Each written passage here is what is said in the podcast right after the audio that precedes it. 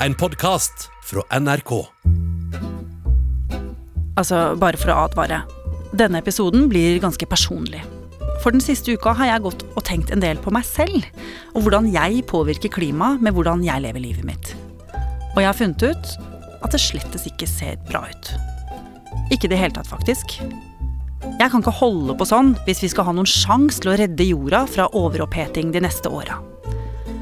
Bare ta siste uke. Klokka seks mandag ettermiddag sto jeg i Majorstadkrysset i Oslo med to barn på fem og sju år. Mine egne. Det rumla sånn i magen, så da vi så McDonald's lyse mot oss, tok det ikke lang tid før vi satt rundt et bord med en burger hver i handa. Ikke den nye halloumi-burgeren, men med ekte kjøtt fra metangassrapende okser. Det burde vært mye mer grønt også, jeg veit det, men det er en liten sylteagurk der et sted mellom ketsjupen og sennepen. Tirsdag kveld. Da bestilte jeg sånne sneakers i spreke farger jeg har sikla på superlenge. Og så slengte jeg på noen søte karnevalskostymer fra Kina. Kanskje jeg må sende alt tilbake, med tungtransport.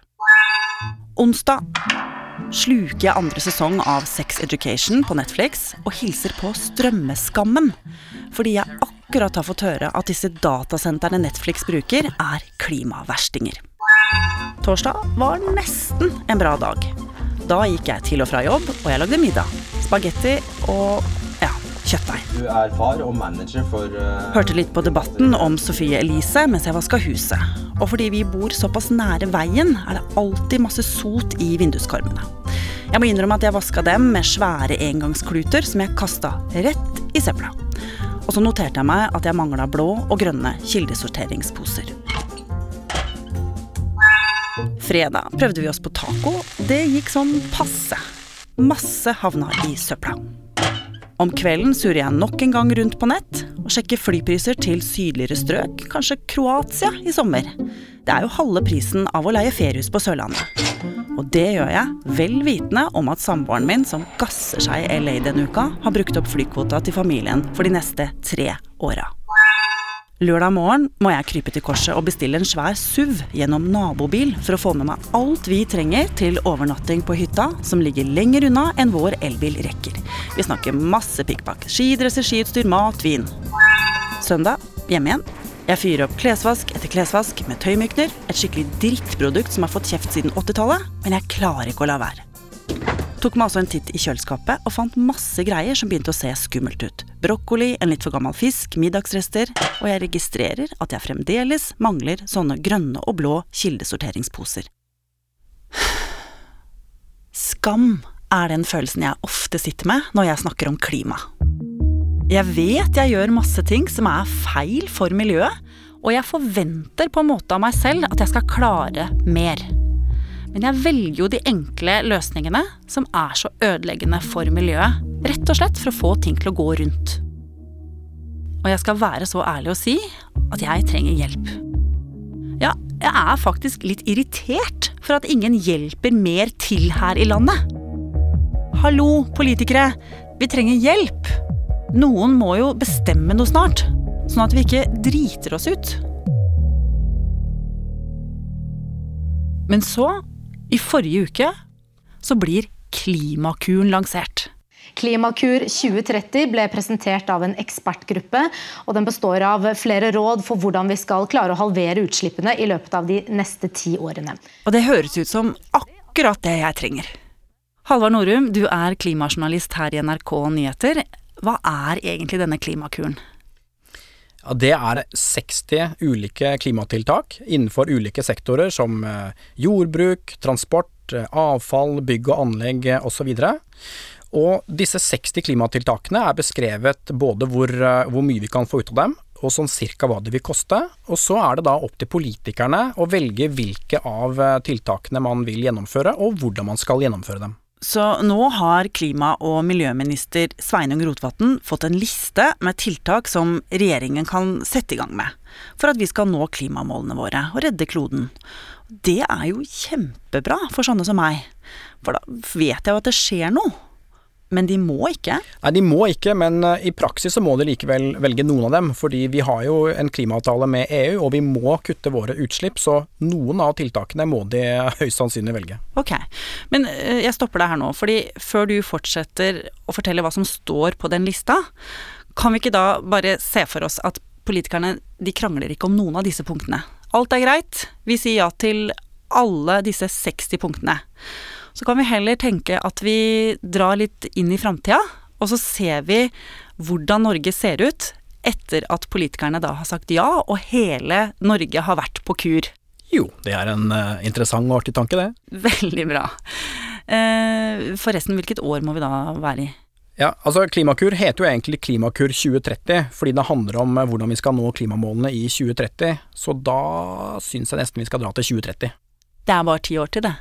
Nå ble jeg nesten litt sånn skuffa, for jeg hadde sett for meg en sånn vill framtidsreise. Du hadde håpa at du skulle fly rundt med en eh, jetpack med avansert biodiesel og en liten uh, laserpistol i beltet? ja, i sånn flott drakt. Altså, vi har jo eh, klimamål eh, også for etter 2030. Også internasjonalt så har vi jo mål om å komme i balanse når det gjelder klimautslipp en gang i slutten av dette århundret. Men Klimakur 2030 handler nå en gang hvordan vi skal nå noe av målene på kort sikt, så det er kanskje der vi bør starte. Mm. Vi tar fortsatt bussen, på en måte. Vi tar fortsatt bussen, men den er nok mer klimavennlig enn uh, mange av bussene her i dag.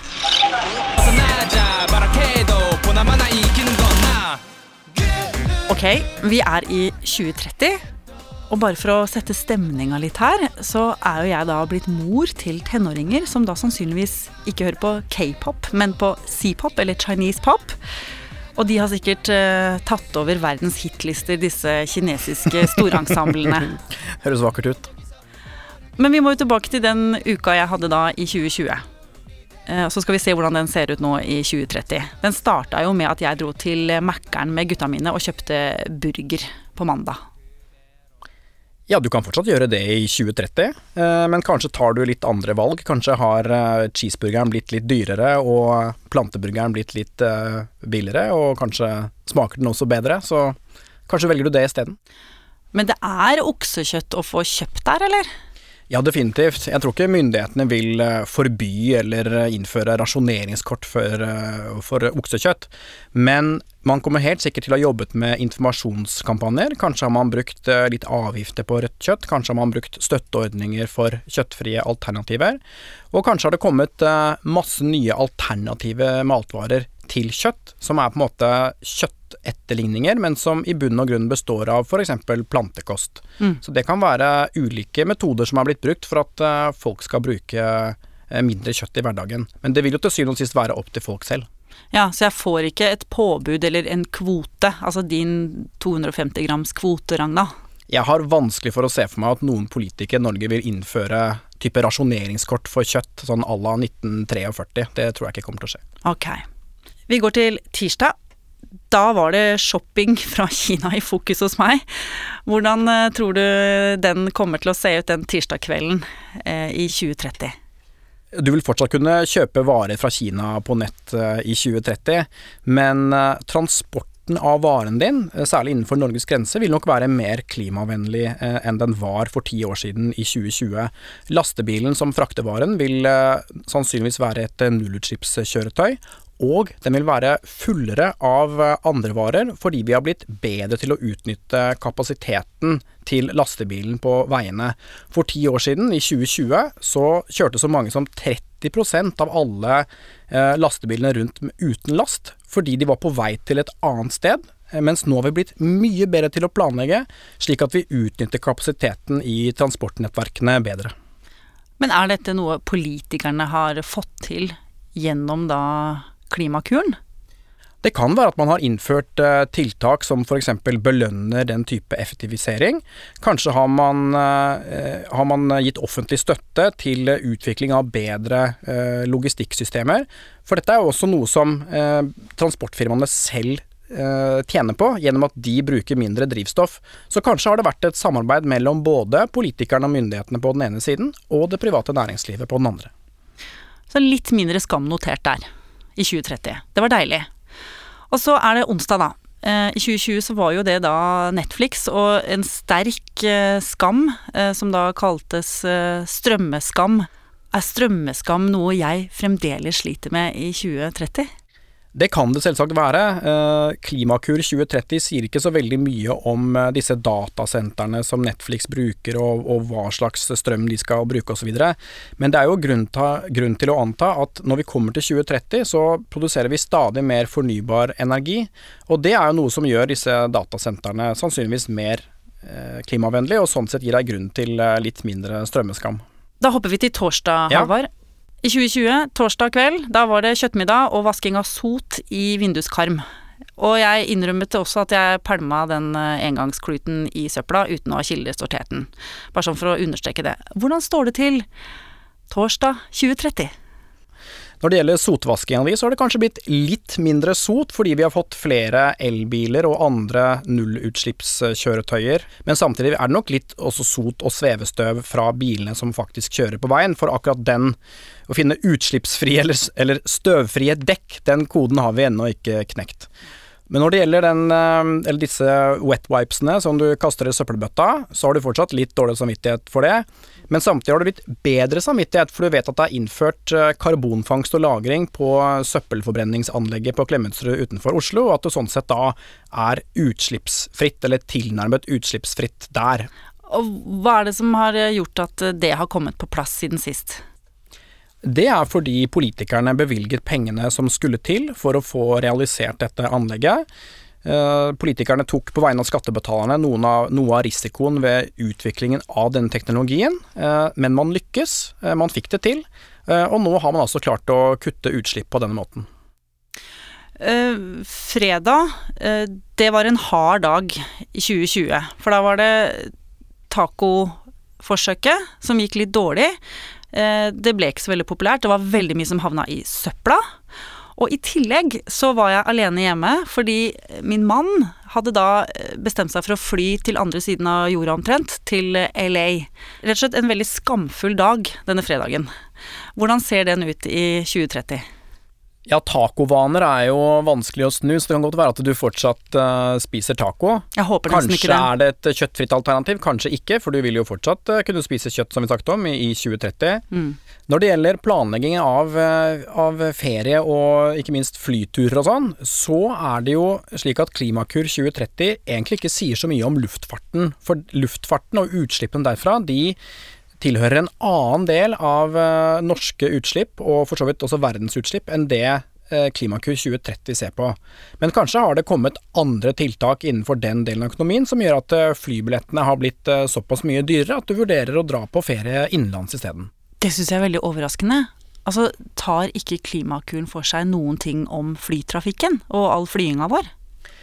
Klimakuren handler jo om den delen av eh, norske utslipp som vi skal på en måte kutte selv. Mens når det gjelder utslipp fra luftfarten, eh, olje- og gassektoren og industrien, så tar vi de utslippene i samarbeid med EU. Så det er på en måte en litt annen del av eh, klimasamarbeidet enn det vi skal få til innenlands i forbindelse med Klimakur 2030. Og det syns jeg på en måte er enda rarere. Altså står ikke det noe om olje heller, da, og oljenasjonen Norge og hvordan vi skal endre hele industrien og se en helt annen vei? Ja, Det er et relevant spørsmål, og mange etterlyste vel også en diskusjon om norsk olje- og gassproduksjon. Men Klimakur 2030 ble bedt om å se på utslippene fra en viss del av norsk økonomi, og hele den debatten om hva norsk olje- og gasseksport eh, produserer av utslipp i utlandet, det var ikke en del av oppdraget til Klimakur 2030. Eh, ok, skjønner. Lørdag, da var det hyttetur på kalenderen i 2020. Det ble leid en SUV med fossilmotor. Eh, rekkevidden holdt ikke på min nette lille Kona, Hundai Kona. Hvordan eh, går det med hytteturfrakt i 2030? Ja, kanskje er det blitt uh, slik at du nå bare leier for en helg en stor el-SUV som har fått uh, lengre rekkevidde og sånn sett passer behovet ditt. Og om det så skulle være at du leide en fossilsuv, fossil-SUV, så går den vel på et uh, avansert biodrivstoff som gjør at den da får et lavere klimaavtrykk enn en bensinsuv bensin-SUV ville hatt i, i 2020. Mm. Er det noe forresten på veien som kommer til å være annerledes når du kjører E6 nordover i 2030? Du kommer nok til å legge merke til at det er eh, flere ladestasjoner enn eh, en man hadde før. Eh, det er jo en del av Klimakur 2030. Man peker på at nettopp utbygging av ladestasjoner er viktig for å få til målene om elektrifisering av personbilene og også tungtransporten. Kanskje er det slik at på et par av de åpne slettene du har passert, så legger du merke til at der har man dyrket trær for å ta opp karbon fra atmosfæren, er en del av Klimakur 2030. Og kanskje hører du på radioen at uh, det derre kjøpesenteret som ble, har vært planlagt i mange, mange år uh, i nabolaget ditt, det er nå kansellert fordi uh, man ikke lenger er lov til å bygge på myr. Nedbygging av myr er jo en del av Klimakur 2030, at man skal redusere det. Siste dag i min uke, hvordan den ser ut i 2030. Tilbake hjemme, leilighet i Oslo. Klesvasken går. Den var jo da med tøymykner i 2020, jeg vet ikke om den er det i 2030. Og dette med matrestene som jeg fant i kjøleskapet, en hel haug av gammel brokkoli og fisk, eh, hva gjør jeg med den? Altså Hvis vi tar det viktigste først, nemlig tøymykneren, eh, så kan jeg si at jeg har lett og lett i Klimakurs 1196 eh, sider, men jeg har ikke funnet tøymykner omtalt, så altså, kanskje bruker du det fortsatt med, med god eller dårlig samvittighet.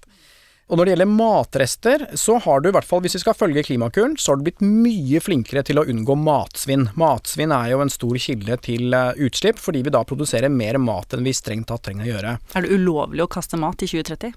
Det er ikke sikkert det er ulovlig, det sitter, sitter, nok ganske langt inne hos politikerne, men det har blitt i hvert fall veldig eh, sterke insentiver til å drive kildesortering. Og du har helt sikkert blitt eh, flinkere til å f.eks. ta restene fra søndagsmiddagen, eh, bake det inn i en pai som så familien får til lunsj på mandagen.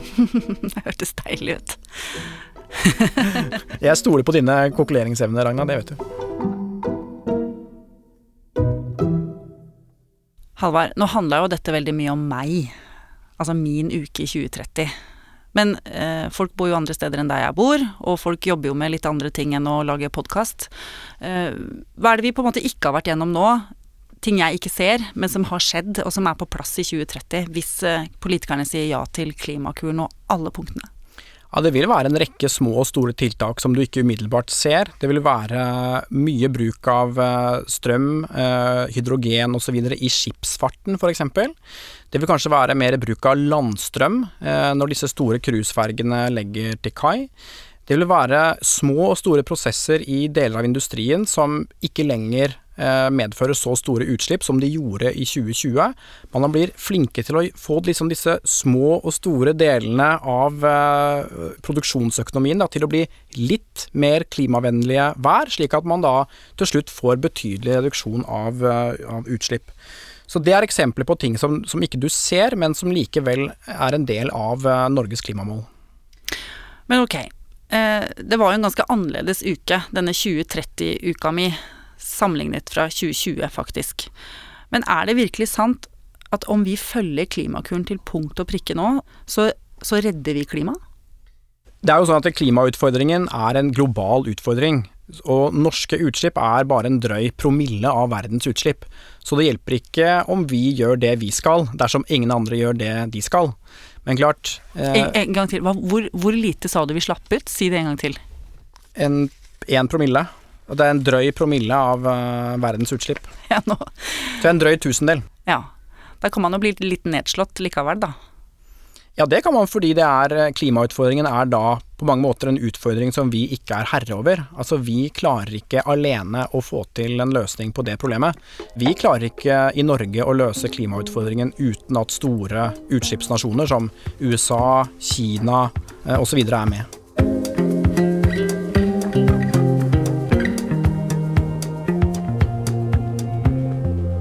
Oppdatert lages av Rikard Sveen, Stian Kallekleiv, Petter Sommer og meg, Ragna Nordenborg.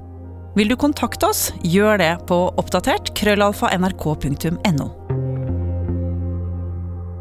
Hei sann, mitt navn er Herman Flesvig. Og mitt navn er Mikkel Niva. Vi er så heldige for å lage podkast sammen i NRK, nemlig Friminutt. Det er helt riktig, Mikkel, og det er en podkast hvor vi tar opp viktige ting. Vi snakker om samfunnsaktuelle temaer, og vi tar opp mye tull og fjas. Det stemmer, men vi er ikke en nyhetspodkast. Vi snakker jo ikke sånn. Men jeg ser ikke hvorfor du gidder oss.